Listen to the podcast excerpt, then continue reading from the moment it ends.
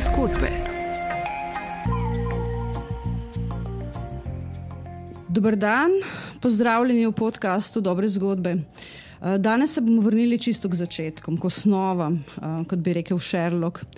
Ne bomo iskali namigov za branje, prepričana pa sem, da bo kakšen odkot priletel kar spotoma. Pogovarjali se bomo o tem, zakaj sploh brati. Ali ima branje v dobi zaslonov vseh vrst, zlasti pa čudežnega pametnega telefona, sploh še smisel? V vlogi bralke, ki išče potrditev, da je odgovor vsekakor pritrdilen in da se svet ne podreje, če posoda, če čisto malo ostane nepospravljena v pomivalnem stroju, ker je res treba prebrati knjigo do konca, sem z vami Darja Divjak Jurca. Moja sogovornika sta poznavalec knjig, branja in založništva dr. Miha Kovač, profesor na filozofski fakulteti in avtor čisto nove knjige Berem, da se poberem, v kateri razgrenja deset razlogov za branje v digitalnih časih. Pozdravljeni, Miha. Dober dan. Razloge za branje nam bo pomagala osvetliti Nina Prešeren, ustvarjalka bloga Gospodična knjiga, profesorica slovenščine na gimnaziji, navdušena bralka, mama, ki veliko bere s svojim sinom. Živijo Nina? Zdravo. Oba sta tudi iz pedagoških vod, zato dobro poznata koncept uvodne motivacije. Predlagam, da se gremo tako na začetku, na mesto prologa ali pa prvega poglavja, eno igrico asociacij. V življenju sta res veliko prebrala in zanima me, katera knjiga vam ob povedanem prva pride na misel. Skratka, prva asociacija, ni prav, ni narobe. Poskusimo. En tak siv dan je za mano. Rada bi se res fino nasmejala. Kaj priporočate? Prva misel. Mumini,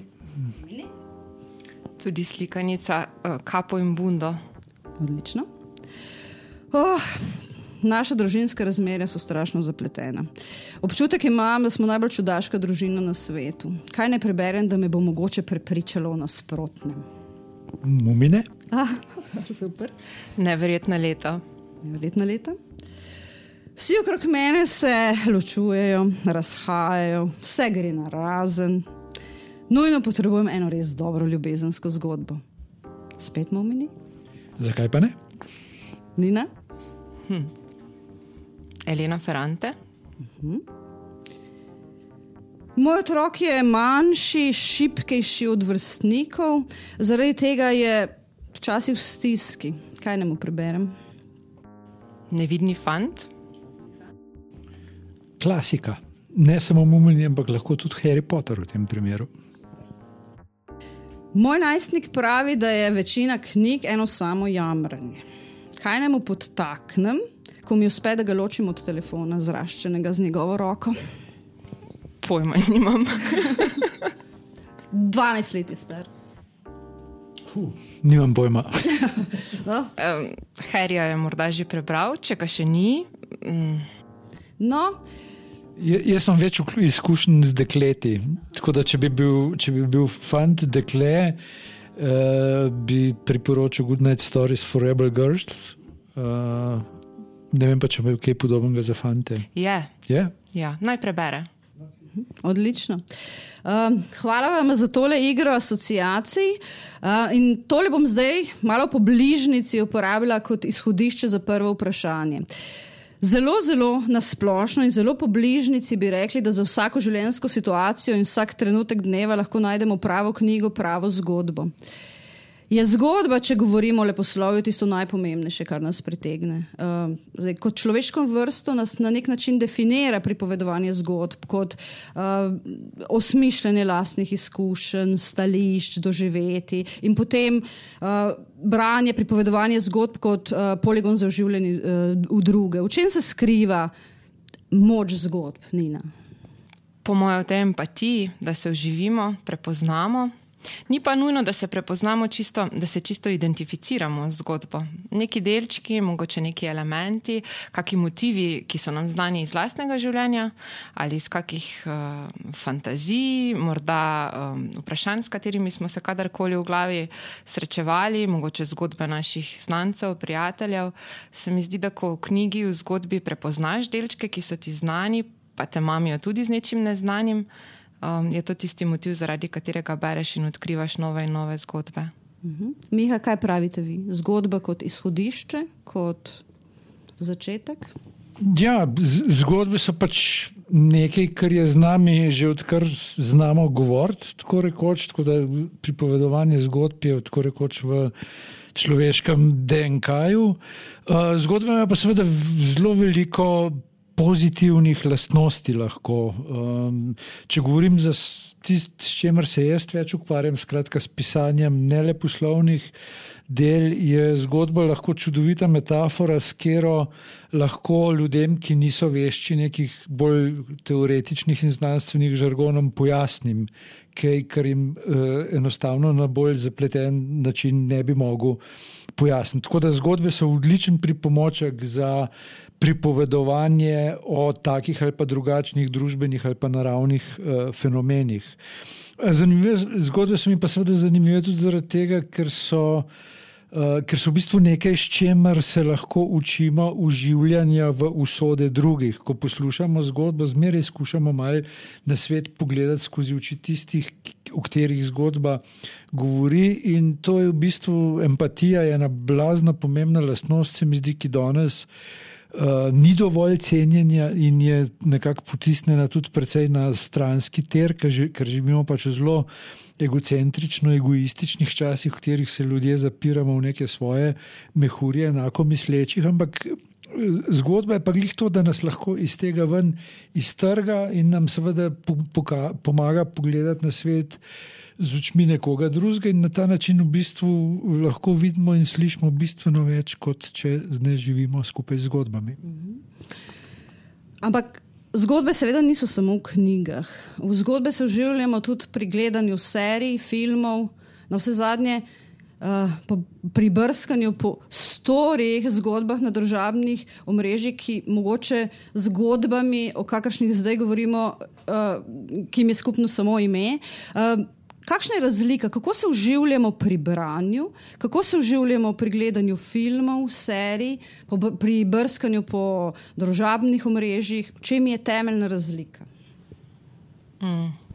Mogoče odvisno od posameznika, ampak če sodim po sebi, se mi zdi, da knjiga mm, mi vseeno daje tisto največjo moč uživanja. Mogoče ker me sili k eni dejavnosti, da res samo berem. Danes tudi, če gledam serijo, včasih surfam vmes po telefonu, če poslušam kak dober podcast, um, upravljam kako gospodinsko delo ali se vozim v avtomobilu, ob knjigi tega ne moreš in tam si pod narekovaj rečeno prisiljen v to, da si vzameš čas, da si pozoren.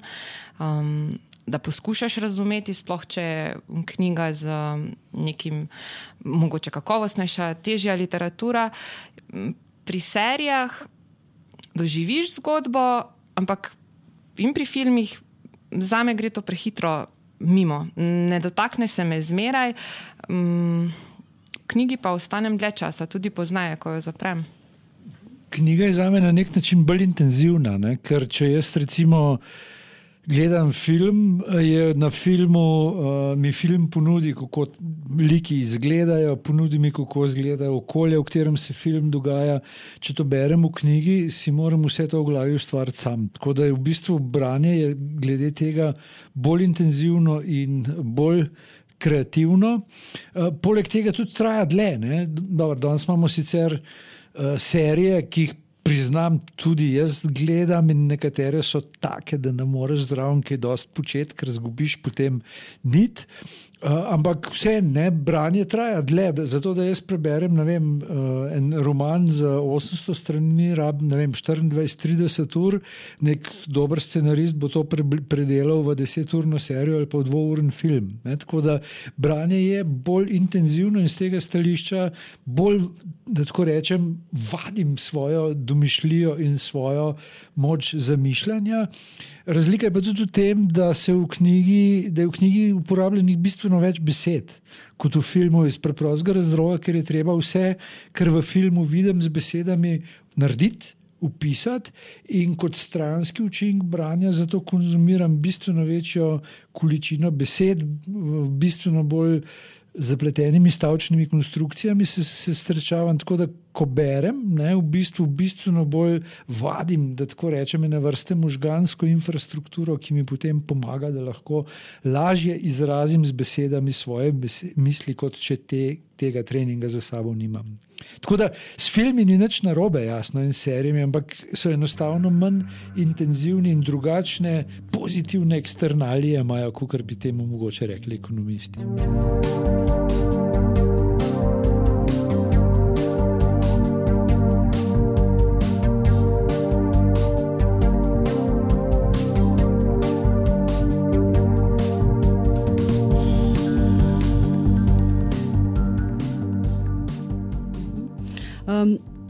Pravite, da je branje intenzivno, na vse zadnje to dokazuje tudi.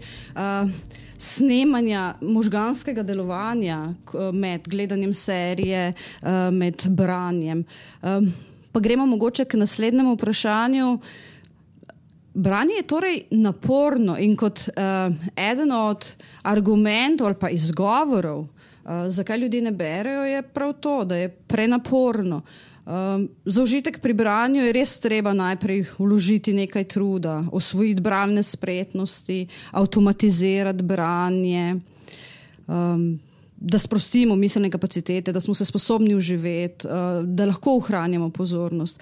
Ampak to nekako ni več. Uh, priljubljeno v svetu, nagnjenem, orientiranem k takojšnji zadovoljitvi želja, takojšnjemu užitku. Mi bi zdaj, mi bi takoj. Um, tudi to mogoče koga odvrača, Nina.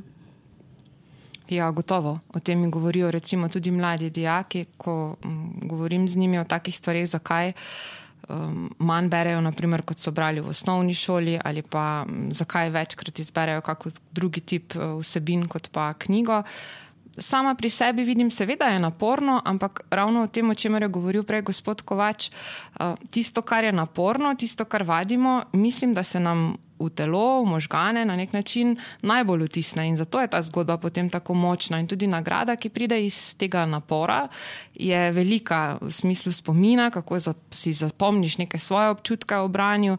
Če to primerjate s tistim, kar počnemo na telefonu, čeprav je tudi na telefonu bilo dobrih in kakovostnih vsebin, Ampak teh stvari je po eni strani naenkrat zelo veliko, veliko dražljajo, ki ne grejo samo s črko, ampak tudi svetlobo, z gifi in vsem drugim premikajočim se, svetlečim. In možgani kar naprej verjetno preklapljajo med enim in drugim, zato doživljamo tako razliko, občutek nekega napora ob knjigi. Mislim pa, da je, je to, ko enkrat izkusiš ali pa ko daš priložnost knjigi, mogoče po daljšem obdobju v življenju, ko si pozabil na knjigo, ko si mogoče tudi verjel, da ti pa tega ne zmoreš, da so knjige en sam dolg čas. Pa ljudje, vseeno tisti, ki se vrnejo k branju, vidijo, da pa ravno zdaj, v tem trenutku, ko smo tako prepleteni z mobilno tehnologijo, vsem drugim hitrim načinom življenja, da je pa ravno branje potem tisti njihov odmor, če tudi naporen, je pa tišina. Um, Je neka, nek čas, ta zelo propagiran čas zase, ne? drugačen čas kot tisti digitalni čas, in tako naprej. Ja, to, to se zelo strinjam. Ne. Eh, v času, v starih časih, ki je v Jugoslaviji še obstajala, smo imeli v Sloveniji pregovor, da se brez muje še čevlj ne obuje. Ne. In tist, česar, tist, kar, kar se meni zdi zelo zanimivo, je to, da nekako vsi razumejo, ne, da um, Primoš Roglič ne zmaga Tour de France, ker tako da se enkrat enega lepega jutra usedel na bicikl in rekel: tako, Zdaj bom pa je šel na 2000 metrov z biciklom v eni uri, bom gor. Ne? Vsi vemo, da je mogel trenirati. In vsi tudi razumemo, da nekdo, ki recimo ne skrbi za svojo fizično dobro počutje, ne bo sposoben niti enega kilometra prehoda. Medtem ko pri knjigah je pa ta napor pri mnogih ljudeh ustvaril neko absolutno averzijo. Če še tega ne bom počel, to je, to je enostavno eh, prenaporno. Ne? In uh, to je eden od največjih problemov, ki jih imamo tisti, ki se ukvarjamo uh, z branjem, kako ta odpor premagati tako, da rezultat tega ni še večji uh, odpor. Moj odgovor je tak, da tukaj vsak človek mora najti nek, neko, neko svojo, svojo verzijo odgovora. Je pa seveda dejstvo, da več ko beremo, lažje je. Ne? Podobno kot več, kot se vozimo s kolesom, lažje obračamo kolesa, je tudi pri knjigah tako, da bolj kot smo vešči branja, e, enostavno nam gre to lažje v drog. Tako da tukaj pač treba neko mejo prebiti. Sigurno je pa še dodaten problem to, da smo mi na nek način danes e, prežeti z zaslonskimi tehnologijami, ki izrazito forsirajo kratke vsebine. Ne? Mi smo navajeni, mi dnevno, ne vem, uro, dve, tri konzumiramo kratke vsebine in potem, ko pridemo nekaj, kar je daljše od enega zaslona na telefonu, je to na neki nezavedni ravni za nas ena vrste kulturni šok. Ne? Zato, po moje, danes branje knjig zahteva neko posebno psihološko. Predpripravo v tem smislu, da se odklopimo od sveta, v katerem smo, smo vse čas in gremo v neko drugo, drugo mentalno, mentalno stanje duha, ki je pa, kot, kot rečeno, za me blazno pomembno, ne? ker jaz branje res razumem kot neke vrste, med drugim, trening za mišljenje in uživanje.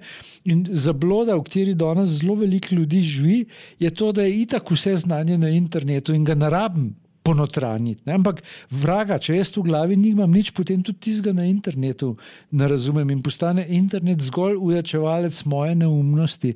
Tako kot je bila nekoč tudi knjiga do neke mere ujačevalec človeške neumnosti, če človek ni imel, ni imel nekega. nekega ponotranjenega znanja. Tako da tukaj gre v bistvu za to, da gre za branje knjig, gre v bistvu za to, da moramo imeti določeno količino znanja, besedišča in sposobnosti izražanja enostavno ponotranjiti.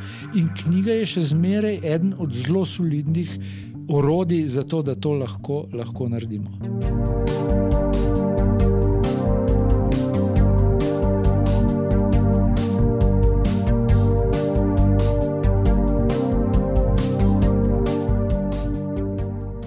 Vse to se pa pravzaprav začne v otroštvu, razvijanje bralnih navad, uh, razvijanje bralne kondicije. Um, v vaši knjigi je podatek, da v Sloveniji otrokom doma pogosto berejo le v tretjini družin. Mene je recimo ta podatek presenetil. Um, na norveškem, da nima v dveh tretjinah družin. Um, kako je zdaj s tem zgodnim branjem, spodbujanjem otroka k branju Nina? Uh, vi veliko berete z, z sinom?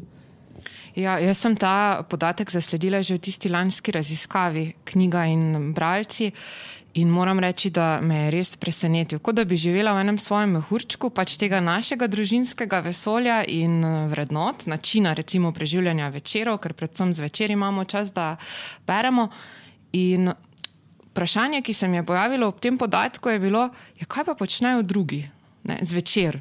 Um, a otroka, ne vem, že tako je izziv, da ga spraviš do postelje, ne? sploh mlajšega. Um, Kar ugasnejo luč, so to zvočne pravljice, ki pomagajo, kakšne igrice na telefonih, aplikacije, a se dan kar zaključi, a so tu kakšni drugi, ne vem, kakšne igre, pogovori starši, ne vem. In tudi ne želim pretirano soditi in kogarkoli zdaj spravljati v neko stisko z tega vidika, kaj pa bi morali kot starši početi zvečer z otroki, kako se družiti in zgolj in samo brati. Ampak iz svoje izkušnje vidim, da druge poti v resnici ne vidim, da je to eno tako lepo doživetje, za katerega mi je škoda pomisliti, da tega eni otroci, pa ne samo otroci, tudi starši nimajo. Um, veliko krat poudarjamo, češ tako vzgajamo bralca. Jaz pogosto rečem, ne vem, ali vzgajam bralca. Ne na zadnje je to fantek in po uh, samih raziskavah spola in bralnih navad so fantki sploh tisti, ki um, so redkeje bralci poznajo v odraslem življenju. Um, In ne berem mu zaradi takih reči. Večkrat poskušam povdariti, tudi ko govorim starši, ta čisto egoističen, lasten vidik. Če, če že ne vidite, kaj bi s tem dali otroku, kaj lahko date zvečer sebi. Ležete, odprete eno fino knjigo, um, berete, se vi odpočijete, uh, otrok ob knjigi ne zahteva veliko, uh, se umirite in to je to. Ja, jaz tudi vidim predvsem to, ne, da se skozi to neka vez ustvarja med, med, med staršem in otrokom. In v tem primeru, ki vidim branje kot enega od urodij, da se ta vez uh, zgradi. Zdaj, tle, pri tem podatku je zelo pomembna beseda pogosto. Ne? To ne pomeni, da ljudje nikoli ne berejo, ampak pogosto mislim, da je bilo kvalificirano tam okrog štirikrat, štirikrat na teden. Ne? In to počnejo norvežani dve tretjini, v dve, več kot dve tretjinah uh, družin. Tisto, kar je meni tle pri tem podatku na nek način še bolj užalostil, je to, da kot mi lahko na, nazaj vidimo te podatke, ne, je v bistvu tukaj v Sloveniji neke vrste stagnacija na tem področju, medtem ko na Norveškem se to število povečuje in tudi oni so. Takrat, ko smo imeli 50 let nazaj, 50% ne bralcev, so jih imeli 30%, danes jih imajo še 10%, kar pomeni, da jih v resnici praktično nimajo. Nekaj 10% ljudi je pač 10% ljudi. Uh, pri nas je pa ta odstotek še zmeraj enak. Ne? In to za me pomeni, in tukaj se potem začnejo moje, tudi deloma osebne težave z ljudmi, ki se ukvarjajo z branjem pri nas. Ne? Tukaj ni možno enostavno ni možno narediti drugačnega zaključka, kot da, da smo nekaj počeli na robe zadnjih, zadnjih uh, eh, 50 let. In uh, to na robe ni bilo. Um, Sama dostopnost knjige, ker se je v zadnjih 50 letih izrazito povečala knjižnična mreža, knjige se da kupiti na več koncih, knjige so tudi cenejše, čeprav te, to malo kdo, malo kdo verjame, ampak to pač pokažejo tiste analize, ki smo jih naredili. Tako da pri nas je očitno ta problem, da te potrebe po branju nismo ponotranjili. Ne? In kje to spodleti in zakaj to spodleti, jaz moram reči, da odgovora na to nimam, bi se pa mogli začeti tega problema zavedati in se tisti, ki se ukvarjamo z branjem, v tem začeti resno ukvarjati glavna, edina redakcija, ki smo jo zdaj doživeli, je bila, je bila precejšna stopna užaljenosti in zanikanja, kadar se ta, ta pr pr problem umeni. Je pa res tudi to, da se o tem v glavnem pogovarjamo, taki, ki, ki, ki smo bralci. Ne? Mi teh 50 odstotkov ljudi, ali pa recimo med temi 50 procenti in 20 procentov, ki smo res intenzivni bralci, pa nabijemo procente gorše za ostale, v glavnem komuniciramo med sabo. Ne? Tudi mi živimo v neke vrste mehurja.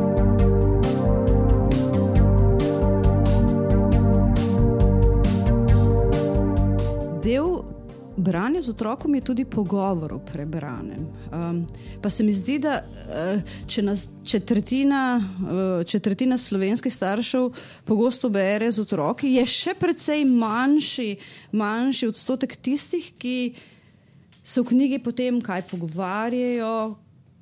Ko knjiga postane izhodišče za uh, pogovor o lastnih čustvih, doživljanju. Ampak to je zelo pomembno, da pravzaprav tudi na ta način knjigo dojamemo kot izhodišče za nekaj več. Nina, kako je pri vas s tem pogovorom o prebranem z otrokom? Jaz imam takega zelo upornega sinka, nima rad vprašanj po branju, niti kakšnih obnov ali pa ustvarjalnih dejavnosti, ki bi se jih včasih šla z njim. To zdaj počnejo v šoli, tam mu je všeč, doma pa ne. Ne mučim ga s tem, ampak mu pa knjige, mi dva jih prebereva, so vmes, če kaj vpraša, pogovarjava, um, večinoma ga trenutno zanimajo tako zelo hecne štorije, mm, ki se komu kaj mm, po nesreči zgodi, kdo pade in take reči, kakšne postolovščine in to. Um, potem pa se skozi dneve ali pa komaj čez nekaj tednov te zgodbe v življenju vračajo, ta vsak dan. Ne? Njemu se zgodi neka stvar, pa se spomnijo, da je to tako kot recimo pri onih dveh uh, v knjigi, ali pa se spomniš, tako se je pogovarjal tudi tisti junak v slikanici, ki so jo brala. Včasih sam v kakšni izložbi zagleda knjigo, pa reče: Le, to imamo tudi mi doma. Skratka, te knjige se zagotovo potem, ki so prebrane, na nek način še vračajo in prepletajo nimam pa izkušnje s tem neposrednim, nekim umetnim uživljanjem zgodbe, takoj po prebrani zgodbi. Jaz mislim, da je to od otroka do otroka različno. Ne? Važno je, da se mu v bistvu z načinom branja prilagodimo in pač komuniciramo v tem, tako kot gre njemu in nam najboljši drog. Mi grede v knjigi Bralec, vrni se domov, ki bo upam, da letos jeseni šla pri Cankarjevi založbi. Marian Wolf, ameriška psihologinja, pripoveduje na zabavno zgodbo, kako se, kako se je enkrat obiskala neka njena bivša študentka in je rekla: Profesorca, katastrofa, jaz skozi berem svojemu otroku, pa nobenega učinka. Ne? In potem ugotovila, da ta, to dekle bere otroku kot stroj ne? in da se celo zastavlja cilj, da v čim, več, čim krajšem času prebere čim več, čim več eh, besedila. In učinek je bil jasno katastrofalen. Tako da. Eh, branje tako samo po sebi enostavno ne pomaga. Ne. Važna je tista prava interakcija uh, uh, uh, otroka in, in, in, in starša. Ne. Tukaj smo tudi mi mogoče nekaj časa malo narodno komunicirali, ne, ker smo zelo poudarjali. Ta ekipa, ki se ukvarja z raziskovanjem bralnih navad, da obstoji zelo jasna korelacija med otrokovo eh, bralno pismenostjo in dom, velikostjo domače knjižnice. Ne? Ampak to seveda ne pomeni, da daš ti otroku deset knjig v sobo in pol je problem rešen. Ne? Domača knjižnica je na nek način, kako bi rekel, eh, rezultat določenih aktivnosti doma, je samo zunanji. Izraz tega, da se, da se otrokom bere. Ne? In tukaj je ena taka mogoče je to malo turobno za, za tiste, ki se ukvarjamo z založništvom. Ne? Razlike v velikosti bralni pismenosti otrok in velikosti domače knjižnice se pojavljajo tam nekje do 300-400 knjig doma. Pol pa razlike ni več. Skratka, če imaš 5000 knjig ali pa 400 knjig, je stališča učinka na otroka, na otroka ista, ista figa, blazen preskok se pa zgodi tam nekje od 800 do 200, do 200 knjig. Ne? Tako da to poudarjanje potrebe domače, po domači knjižnici ni nek, neka propaganda proti recimo splošnim knjižnicam, ampak šolskim knjižnicam, ampak je v bistvu pomeni zgolj to, da otrok more rasti v nekem okolju, kjer so tudi knjige in kjer jih starši običaj, občasno vzamejo, vzamejo v roke. Starši so največji bralni zgled v resnici otroke.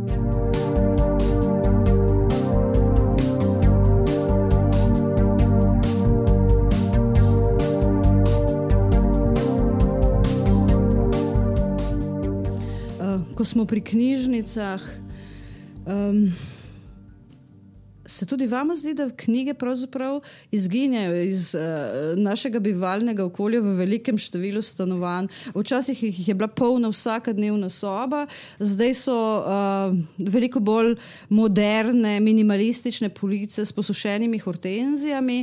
Uh, A je treba lobirati pri notranjih oblikovalcih, da nam dajo več prostora za knjige, da bodo knjige bliže, da ne bodo knjige pregnane v uh, garaže, delovne sobe. Um, kaj se dogaja z domačimi knjižnicami? Uh, še posebej zato, ker kot uh, navajate dr. Kovač uh, v svoji knjigi, um, raziskave bralne in matematične pismenosti kažejo, da pravzaprav tudi knjižnica izrazito vpliva na bralno in matematično pismenost, oziroma da, da uh, otroci, ki rastejo v družinah z velikimi knjižnicami, lahko kasneje na nek način preskočijo eno stopnjo izobrazbe. Ne.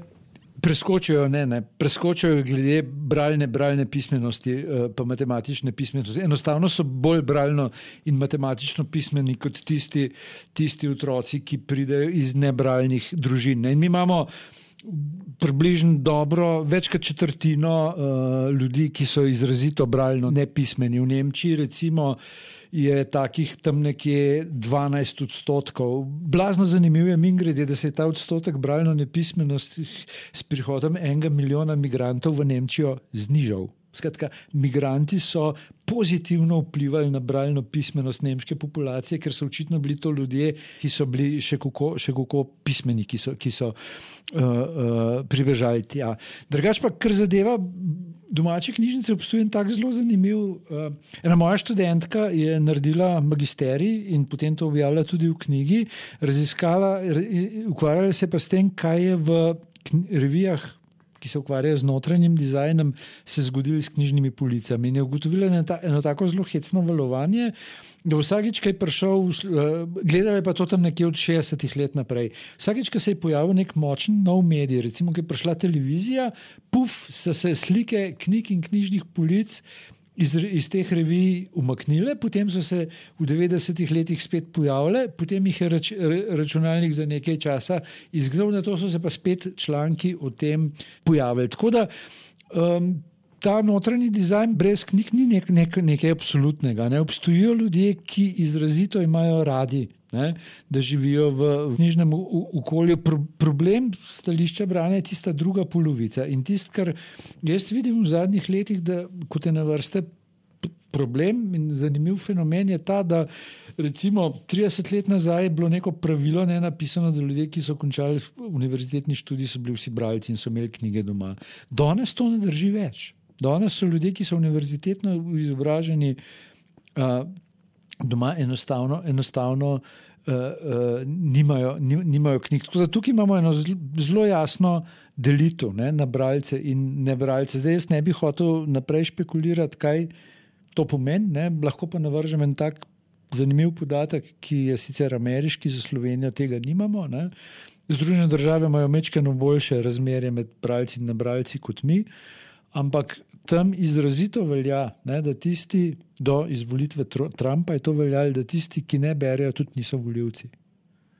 Zdaj, če to pri nas drži, ne, je to en tak zelo potem, uh, uh, zanimiv podatek za nadaljne, za nadaljne sociološke analize. Jaz si v tem, kaj to pomeni za Slovenijo, zdaj le ne bom prvo še spekulirati.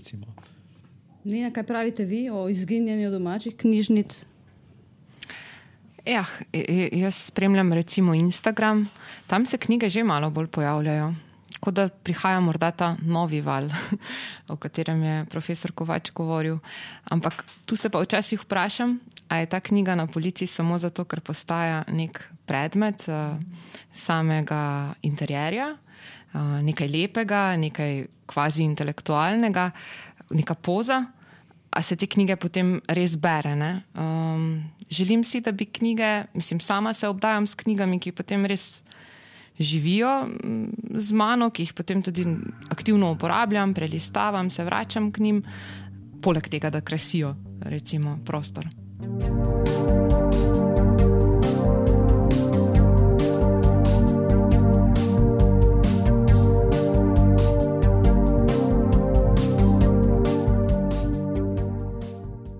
Povejte nam še, glede na to, da zelo dobro poznate srednje šolce, gimnazice. Eh, se pravi, oni so bistveno bolj vajeni branja s preletavanjem, značilnega za zaslonsko tehnologijo, kot globokega branja. Kako se to kaže? Uh, Uf, sem se pred tole oddajo malo pogovarjala z njimi o teh istočnicah in so rekli, gospa profesorica, vi kar povejte, branje je dolgočasno, nimamo pozornosti za to, da bi brali, teksti v šoli so stareli, stari, se ne poistovetimo z liki, zgodbami, vse se dogaja v nekem drugem času, jezika ne razumemo, besede nam niso znane in tako naprej. Si to ni mnenje vseh 30 v razredu, ampak tisti pogumnejši pravijo, da imajo resne zakate s tem, da se motivirajo ali za neko obvezno branje, maturitetno branje. Recimo.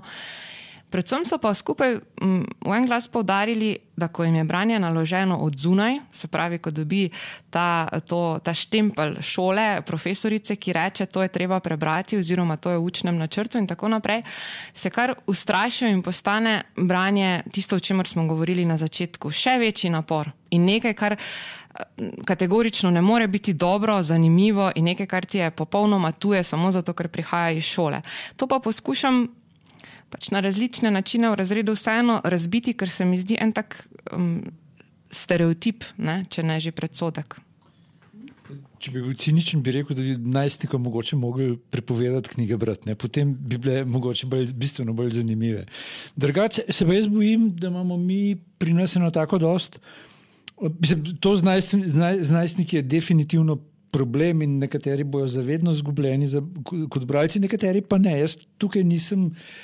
Nisem v resnici tako pesimističen, da smo mi dinozauri zadnji svoje vrste, ki bomo izumrli. Bojo prišli za nami, bojo nove generacije bralcev in nove generacije piscev prišle. Imamo pa mi v našem izobraževalnem sistemu na tako dost toksično kombinacijo. Namreč jaz zdaj s štirimi kolegi na fakulteti, na pedagoški pa na filozofski delamo neke male raziskavce, kako študenti študirajo in koliko se koliko berejo. In ugotavljamo, da med študenti, ki bodo jutri šli v šole kot učitelji, obstoji tam do 15 do 20 odstotkov ljudi, ki so nebralci, popolni nebralci. In tak človek seveda ne more nikogar navdušiti v, v branje. Če pa zraven dodamo še to, da so šolske knjižnice v mnogih šolah totalno finančno podhranjene, ker se financirajo na, na način, ki je zelo odvisen od tega, koliko temu denarju nameni ravnatelj. In če je ravnatelj temu naklonjen, potem knjige v knjižnici so, če ravnatelj temu ni naklonjen, knjig v knjižnici ni. In če se zdaj jaz zamislim, ne neko učiteljico slovenščine, ki sama nabere. Edina knjiga, ki jo imajo za obvezno branje v dovolj velikih količinah v knjižnici na zalogi, je pa pestrna odbevka, je to konec zgodbe za, za, za veliko večino bralcev. Tako da jaz mislim, da bi morali mi začeti pač ta problem, kar se izobraževalnega sistema tiče, reševati izrazito dolgoročno. Kar pomeni, da bi morali recimo upravljati pri študentih, ki se opisujejo na te poklice, na vrste usmerjevalne pogovore, jih poskušati usmeriti v študij, ki je bolj primeren za njih, če sami niso bralci in jasno morali bi začeti reševati uh, probleme z šolskimi knjižnicami. Drug problem je pa seveda, kako ljudi prepričati, da to potrebo ponotranjijo. Ampak to je pa zdaj zgodba, ki je precej zapletena, da tako rečem. Mm. Eh, no, o tem, kako približati branje najstnikov in jih mogoče pripraviti do tega, da preživečijo tudi kakšnega klasika, eh, smo poprašali tudi dr. Igorja Saksido, poznavalca mladinske književnosti. Otroke, ki so že samostojni bravci in ne berejo več starši, je smiselno spodbujati predvsem k pogovoru o prebranem. Sodobna otroška in mladinska književnost je namreč, kot pravimo, namenjena bravcem, poslušalcem, če hočete, različnih starosti, ne samo otrokom in seveda tudi ne samo staršem. In vrniti se je treba k tistemu mnenju uh, esejista, ki je zapisal, da uh, se je ob literaturi potrebno pogovarjati o vseh problemih, težavah, pa tudi veselju, če hočete, ki so naši skupni problemi, ki so naši skupni strahovi. Uh, in isto velja tudi za, za najstnike. Um, Najstniki bodo klasiko brali, če bodo ob njej lahko izrazili svoje mnenje, če jih bo nagovorila in če jih bomo dovolili, da ob klasiki mislijo z lastno glavo in ob njej tudi ustvarjajo.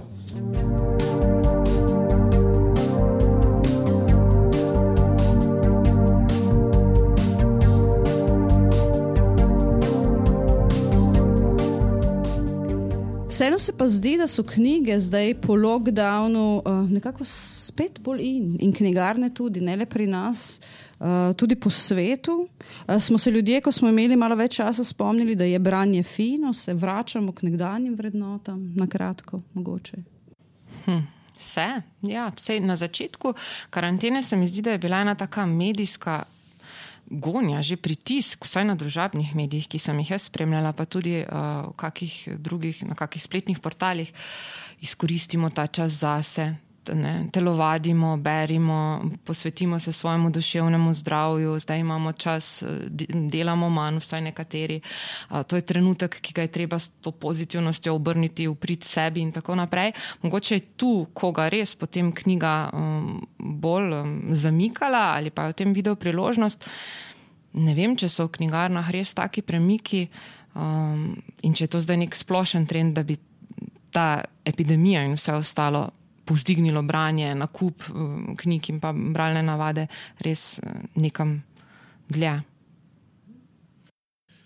To je eh, vprašanje, ki ga bomo zelo hitro videli v različnih statistikah. Jaz mislim, da se je zdaj zgodil en tak uh, uh, ubrat, mali ubrat, mogoče bolj k kupovanju kot k izposojenju knjig, zato ker se pač borimo, bojimo vsega, kar je imel nekdo drug v, v rokah. Knjižnice so bile tudi, po mojem oceni, precej manj inovativne v tem, kako nagovoriti potencijalne kupce oziroma uporabnike knjig v času uh, pandemije.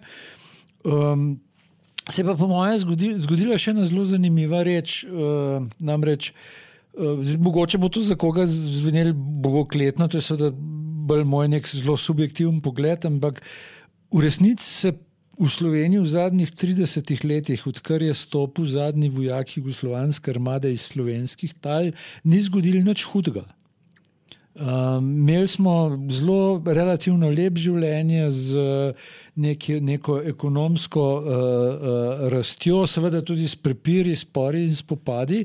Ampak zgodil se pa ni nič groznega. In v bistvu ta, ta pandemija je bil nek popoln udarc od zunaj, ki je uhromil družbeno življenje. Ti, mi, starejši občani, ki smo dali skozi Jugoslavijo, se takih šokov zelo, zelo dobro spomnimo. Na, naši stari starši se tega še bolj spomnijo, ker so dali skozi vojne. Ne? In takrat, ko se svet. Postav na glavo, mogoče ljudje začnejo malo bolj razmišljati in potrebujejo mogoče malo več razmisleka o samem sebi, in taki časi so morda potem bolj primerni za branje knjig, kot za sledenje 145 znakov dolgim tvitom ne preveč inteligentnih predsednikov.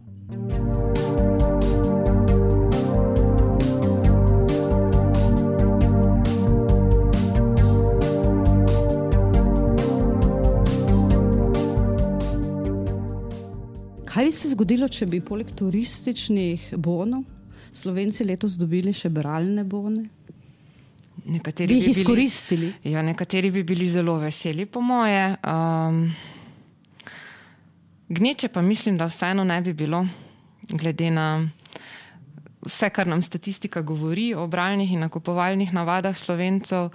Um, bi morali še kaj verjetno narediti za neko spodbudo, ne samo da boni tukaj so. Jaz mislim, da je vrednota večine vseeno ta, gremo na počitnice, imejmo se lušno in premaga, ne, uh, gremo v knjigarno in kupim knjigo in kaj potem delam z njo.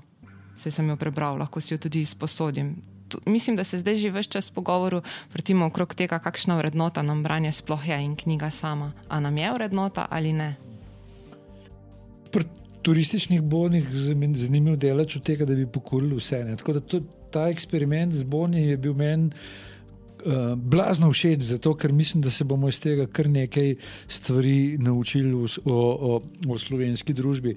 Drugače pa neke podobne eksperimente z, z boni, se grejo tudi uh, s kulturnimi bodi, se grejo v Italiji, ne, ker vsakmu, ki uh, postane polnoleten, dajo nek precej vreden bon, s katerim si lahko kupi take ali pa drugačne. Eh, kulturne, kulturne dobrine. Ampak um, s temi boni je tako, ne, če ni neke notranje potrebe, potem jaz ne vem, kaj bom s tem počel. Ne. Tako kot mi vse znanje na internetu ne pomaga, če sem bizgec. Uh, potem ta, ta znanje na internetu samo ojača mojo, mojo bizgavost. In, uh, tako da taki boni so lahko samo en korak naprej pri nečem, kar, kar že počnemo, sami po sebi pa ne rešijo ničesar. Mogoče uh, poslovno bilanco kakšnega založnika, kar tudi ni slabo, jasno, ne? ampak uh, kar zadeva pa uh, kulturno um, udeleženost, pa sami po sebi niso dovolj. Takole, čas za naš klepet o branju v dobrih zgodbah se počasi izteka. Hvala, Miha, hvala, Nina.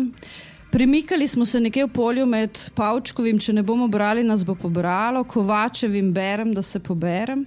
Uh, upam, da ste tisti, ki ste z nami ostali do konca, dobili kak razlog več, da vzamete knjigo v roke in berete, da redno in veliko berete svojim otrokom, da potrpite z njimi v začetnem bralnem obdobju, da ne odnehate zlahka, ko vas najstnik spodi iz sobe, ko mu prinesete knjigo. Uh, Prav lahko, oziroma skoraj zanesljivo, o tem govori veliko raziskav, boste, če boste brali, bolje razumeli sebe, druge in svet, lažje mislili z lastno glavo, razmišljali o več stvareh, bolj boste ustvarjalni, empatični in ne mara zato bolj zanimivi za delodajalce, morda boste celo živeli srečneje in dlje. Ravno danes sem dobila v roke fino novo knjigo, uh, uspešnico Zapisi v živčnem planetu, planetu Meta Heiga, s kratkimi in duhovitimi razmisleki o vsem, kar nam v današnji digitalni dobi kali duševni mir. In med temi zapisi je oda družbenim omrežjem, tako le gre. Ko internet zajame jeza in iščeš, komu sedel, boš za vrat, je čas, da se odklopiš in se spraviš knjigo brati. Če potrebujete še kak razlog več, zakaj brati sebi in otrokom, preberite knjigo dr. Kovača, berem, da se poberem. Poleg razlogov za branje v njej najdete tudi kakšno zgodbo o Kovačevi ne kobili, temveč mački. Za branje namige skočite na njen knjižni blog Gospodična knjiga, poiščite jo na družabnih omrežjih, prisluhnite njenim podkastom. Hvala, ker ste bili z nami, zdaj pa gremo brati.